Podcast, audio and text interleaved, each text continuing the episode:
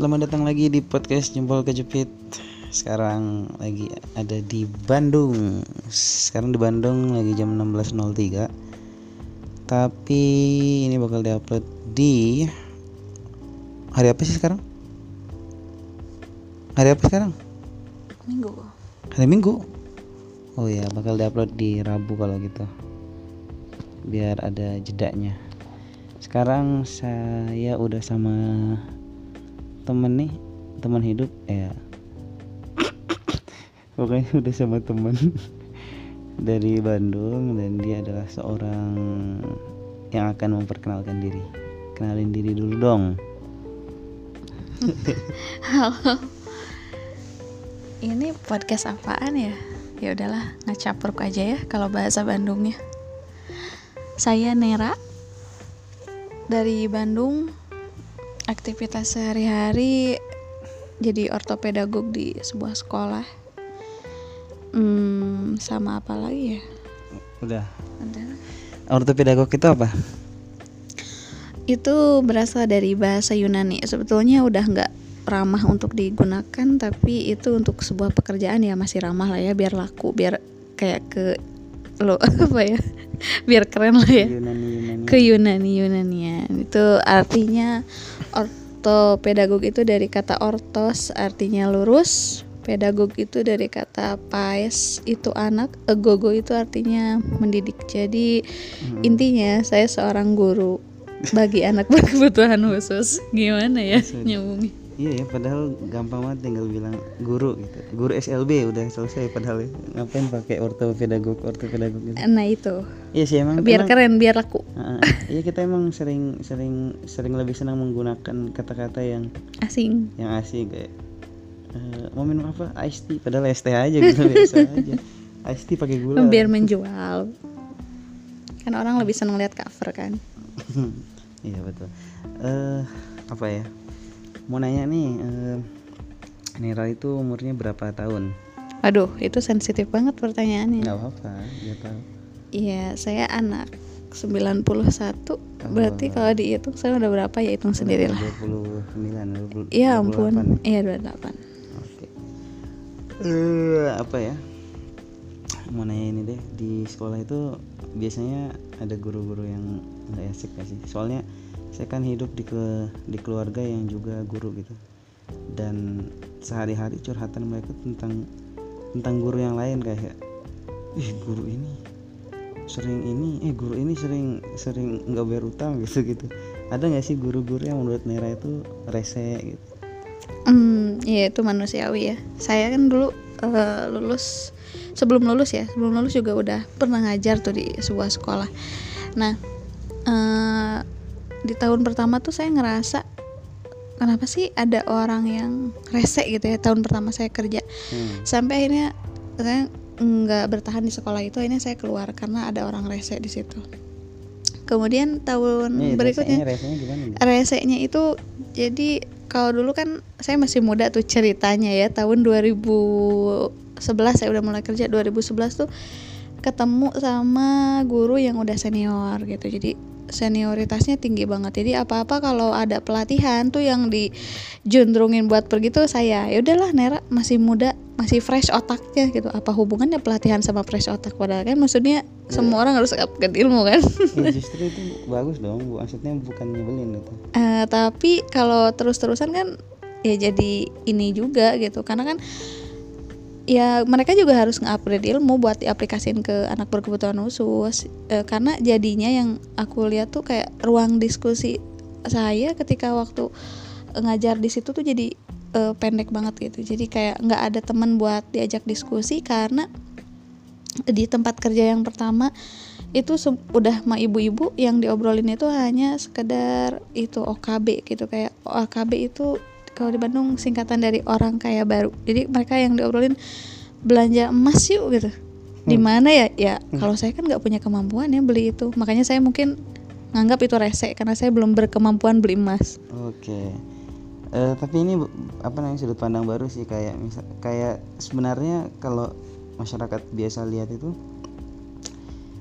guru yang sering ke mana-mana itu pasti guru yang berprestasi dan guru dan dan orang yang relatif tidak merasakan keresahan gitu. Nah, sekarang kan kita udah tahu nih.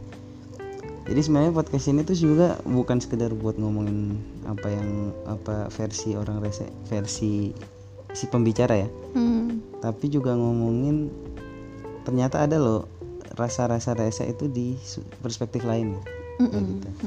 Oke kalau kalau skor yang sekarang gimana? Eh, ya saya nggak bisa bilang ya sekolah sekarang kayak gimana karena setelah saya pindah-pindah kerja dari satu tempat ke tempat yang lain itu saya jadinya punya makna bahwa di mana pun kita berada nah itu jadinya. Di kerja di mana pun em, jenis orang atau karakteristik orang itu ya berbeda-beda. Maksudnya kita bakal nemuin orang yang eh, di luar dari ekspektasi kita.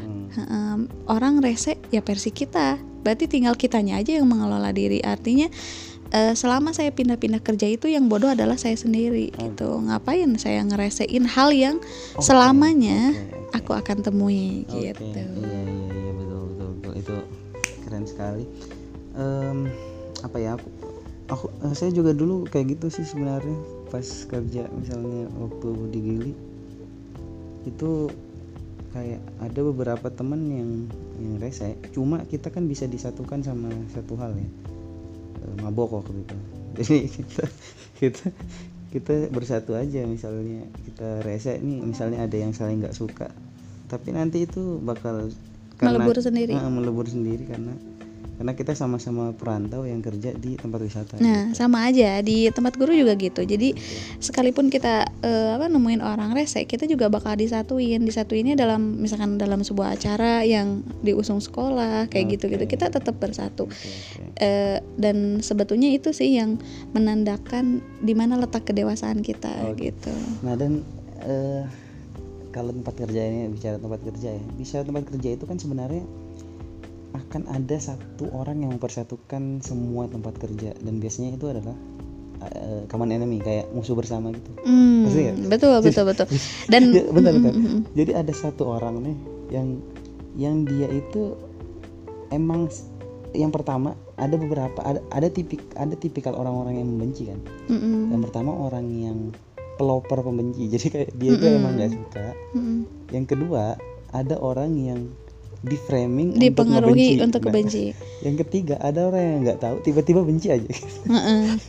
itu ada semuanya dan kayaknya saya adalah orang yang dibencinya Oh, justru gitu. Heeh, orang yang dibencinya oleh semua orang Nah ini perspektif enak nih kalau kalau kita bicara sama eh, common enemy-nya. aduh Berarti Nera yang apa yang jadi yang jadi musuhnya ya. Jadi yang berperan jadi si Heeh, enemy-nya. public enemy Oke, kayaknya karena oke, diomongin oke, di setiap oke, tempat oke. Heeh. Eh, gimana tuh gimana gimana apanya ya? Gimana perasaannya? Heeh. Per- per- perasaannya dulu deh. Mm. Kalau dulu dulu ya sebetulnya sebelum saya setua ini ya itu saya justru yang jadi saya harus akui bahwa setiap kata-kata yang saya lontarkan itu saya sadari itu bisa mempengaruhi orang lain. Nah makanya dulu saya jadi, selalu jadi figur yang mempengaruhi orang. Jadi kayak berkelompok, mempu- dominasi. dominan eh, apa pun pendapat saya semua orang ikut gitu. Kemudian apa pun yang saya lakukan orang setuju gitu. Nah tapi di tahun-tahun adalah tahun di mana ada kalau teman aku bilang tuh negara api menyerang gitu ya. Jadi saya tuh pernah pernah dapat musibah kayak gitu.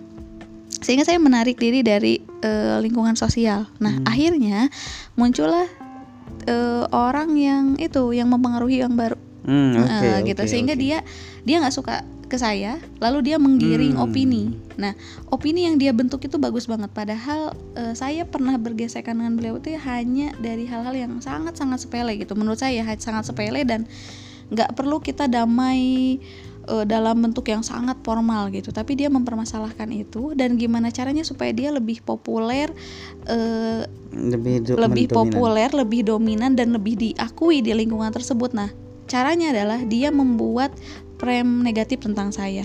Saat itu saya ya terserah Anda lah, maksudnya itu hidup-hidup Anda Mm-mm. Eh, gitu kan. Terus ketika orang jadinya berbalik menyerang dan menganggap bahwa saya adalah eh, public enemy gitu kan. Nah, saya ngerasa bahwa oh ternyata hanya segini ya dunia gitu tantangannya gitu. Hmm. Nah, ini ya saya biarin aja mereka ngomong tapi pada akhirnya mereka tuh kayaknya bosen ngomongin saya. Terus kan ada kebutuhan kan? Ada kebutuhan tertentu yang pada akhirnya mereka eh, ngedeketin lagi. Terus kayak kayak ada yang bilang kayak gini kan lucunya. "Eh, ternyata Nera itu nggak nggak senyebelin yang si ibu itu bilang. Oke, loh lah kan oke. itu lucu kan? Loh. Jadi eh, la- lama-lama sebetulnya ketika kita berusaha mempengaruhi orang lain untuk membenci sesuatu atau membenci seseorang oke. pada akhirnya itu akan terungkap dengan sendirinya. Hmm. Jadi kita nggak perlu nyari tahu kenapa orang itu benci kita, kenapa orang itu mempengaruhi orang lain untuk ngebenci kita. Oke. Karena suatu hari semesta itu pasti bakal ngebuka gitu. Dan itu semua terjadi di hidup saya. Hmm, oke. Udah kerasa lah. Nah, iya iya benar-benar. Eh, Kalau ngomongin tentang itu sebenarnya saya juga orang yang dominan ya. Kayak Hmm. di podcast sebelumnya saya udah jelasin kalau saya sempat dibenci karena saya dominan gitu. Seneng ngomong gitu. Eh, mungkin mungkin kalau senang ngomong enggak ya, tapi mungkin karena mungkin saya karena saya lebih logis daripada teman-teman yang lain gitu. Jadinya orang setuju aja. Ya. Ya. Keren banget. Tapi gini loh, kan di podcast yang sebelumnya saya pernah bilang gitu, kan dominasi itu semua orang pengen dominan, semua orang pengen didengar gitu, karena kita gen egois gitu, dan dan nggak ada orang yang nggak mau nggak mau dominan. Mm-mm. Kalau ada orang yang bilang, eh dia tuh sering do- paling dominan deh kalau ini, ya itu artinya dia nggak dominan gitu. dia sebenarnya kan lagi pengen dominan, makanya dia bilang orang lain dominan kayak. gitu. Nah tapi apa ya balik lagi ke public enemy. Sebenarnya public enemy itu perlu loh kayak kayak misalnya ini deh Belanda. Indonesia kalau nggak bersatu karena benci Belanda pasti nggak bakal merdeka. Nah itu. Ngerti gak sih kayak kayak kayak misalnya ini ada orang Indonesia nih terus ada Belanda pasti ada satu orang yang bilang eh kok Belanda nyebelin ya lama-lama gitu pasti dong. Pasti terus. Oh iya iya bener ya bener. Tapi pada akhirnya Belanda dipuji-puji juga ya sama kita. ya, ya itu mah terserah lah. Pokoknya pokoknya kan pada akhirnya kan kita bersatu karena mungkin ada orang yang kayak gitu. Eh, Belanda kok nyebelin? Oh iya ya ada Serang juga, gitu kan. eh, serang gitu. Terus ada juga nanti ya ada tipikal orang yang perang berarti kan. Heeh. orang yang benar-benar benci. Orang yang di Dipengaruhi, benci dan ada orang yang ah, ada Ikut perang, ramainya. ah, gitu. bener bener bener. Itu juga ada kok di dunia pendidikan. Maksudnya itu mah keniscayaan. Kalau saya bilang itu keniscayaan. Sesuatu yang niscaya dan pasti terjadi tapi nggak usah apa ya nggak usah jadi lama gitu kita bapernya. Saya kan sempat baper sempat nangis nangis tuh pengen keluar lagi kerja tuh kan. Karena udah udah bertahun-tahun Oh, kan. oke. dan saat itu saya ngerasa keegoisan saya muncul. Eh, aku bisa cari kok tempat kerja yang baru gitu. Nah itu tuh kayak ada arogansi di diri saya kan. Saya bisa kok cari kerja yang baru apalagi dengan sekarang yang punya beberapa komunitas nulis kayak gitu-gitu kan. Itu juga lumayan kok menghasilkan gitu. Terus eh, kita sering ngadain bisnis untuk open trip ke gunung gitu kan itu juga menguntungkan. Terus Oke. eh, keluarga aku kan jualan gitu jadi aku bisa mulai bisnis. Dulu arogansiku naik tuh waktu waktu saya tahu bahwa saya itu sekarang jadi public enemy gitu yang dimusuhi oleh banyak orang. Oke. tapi ketika saya bertanya ada apa? Aku nanya kan ada apa? Kok kalian benci saya? gitu. Benci atas sesuatu yang itu adalah privasi saya Hmm, Loh. siap siap. Heeh, gitu. Tapi pas dipikir-pikir lagi itu setelah mewek-mewek nggak kan? Kalau cewek kayak gitu ya. Setelah mewek-mewek dan berpikir lagi loh kok aku kalah ya? Gitu. Kok Oke. aku nyerah? Gitu. Siap. Justru eh, dalam hukum kalau di ilmu sosial ya yang menang itu adalah dia yang bertahan. Ya udah bertahan aja gitu. Maksudnya kita lihat sampai sampai mana. Oke siap. Mm. benar benar benar benar nah sama kayak kalau kalau kalau saya sih kayak konsep ya konsep orang ini loh orang orang ditinggal nikah sebenarnya. Aduh Iya, sensitif banget ya itu. Itu enggak itu sebenarnya konsepnya adalah siapa yang masih dicintai itu yang masih menang sebenarnya ngerti nggak? Mm-mm. kayak misalnya eh, misalnya kak Nera punya pacar nih. Terus pacarnya nikah sama orang lain tapi si pacarnya itu masih cinta sama Nera. Sebenarnya Nera masih menang gitu. Mm-mm. masih ya menang makanya gitu. Tapi ya ya kan kita pasti pikirannya oh, oh dia begini sama istrinya pasti nanti gitu kan Heeh. Dan berarti konsepan saya kenapa ada orang yang membuat frame negatif tentang saya dan selalu setiap hari dicari kesalahan saya, berarti dia tuh sebetulnya karena terlampau mencintai saya. Iya enggak? lah. Iya kan? Kok kok ada orang yang setiap waktu nyari-nyari soal kesalahan kita, aktivitas kita, apa pun yang kita lakukan dia komentari.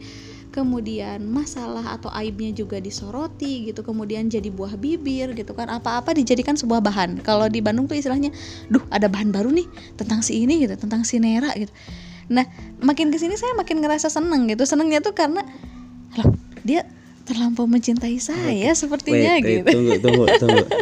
Saya agak sedikit eh concern ya sama kata-katanya Nera yang tadi kenapa sih Nera itu sering bilang eh kalau di Bandung nih ya istilahnya kayak gini kayak di Lombok itu nggak ada aja gitu padahal pernah ke Lombok Oh. kesel loh aku Iya, karena saya ngerasa agak sedikit kecewa ketika ke Lombok itu, saya ngerasa saya hidup di Thailand. kenapa gitu Eh, jadi saya ada bangganya, ada juga sedihnya Kenapa? waktu itu. Jadi ketika kita lagi kumpul nih, eh, saya waktu itu kan diantar-antar oleh anda ya di Lombok tuh. Terus anda berkumpul sama teman-teman, ngenalin saya gitu. Tapi pada saat saya udah berkenalan saya orang mana, anda dengan teman-teman tetap menggunakan bahasa Lombok. Jadi saya kayak, saya harus ngomong apa? Swadikap? Apa? Saya bingung gitu. Enggak Itu gitu. bagus Enggak gitu itu seneng Enggak. menghargai. Jadi saya mau paham bahwa di Lombok ada bahasa macam itu Enggak. gimana Eh, gitu. ya sama dong kayak kayak tadi kamu kita makan di ini emang ngomong bubur ayam Mhm. Itu aku sama sekali nggak ngerti saya sama sekali nggak ngerti eh, ngomong apa ini orang sama lah maksudnya kita nggak harus berubah hanya karena ada orang baru kan Oh iya, mungkin saya terlampau mencintai Bandung. ya gitu lah nggak tahu terus sering juga tuh emang di lombok ada bakso ya allah Nah, banyak berarti itu bisa jadi materi Mas Eyun tuh untuk versi rese Mas Eyun ya. Enggak, enggak, enggak sih sebenarnya itu hal-hal yang biasa aja. Tapi ini enak. Eh, ini mungkin bakal judulnya tips-tips kerja untuk si pengang- orang-orang pengangguran kayak Yakut nih cocok untuk denger nih. Yakut eh Yakut. Ya, udah berapa menit ya? Oke, udah 17 menit. Tan. Eh, apa lagi ya? Eh, terakhir deh. Em, apa ya? Terakhir apa yang Nera harapkan sebagai seorang guru yang juga dimusuhi sama guru-guru lain itu apa yang Nera harapkan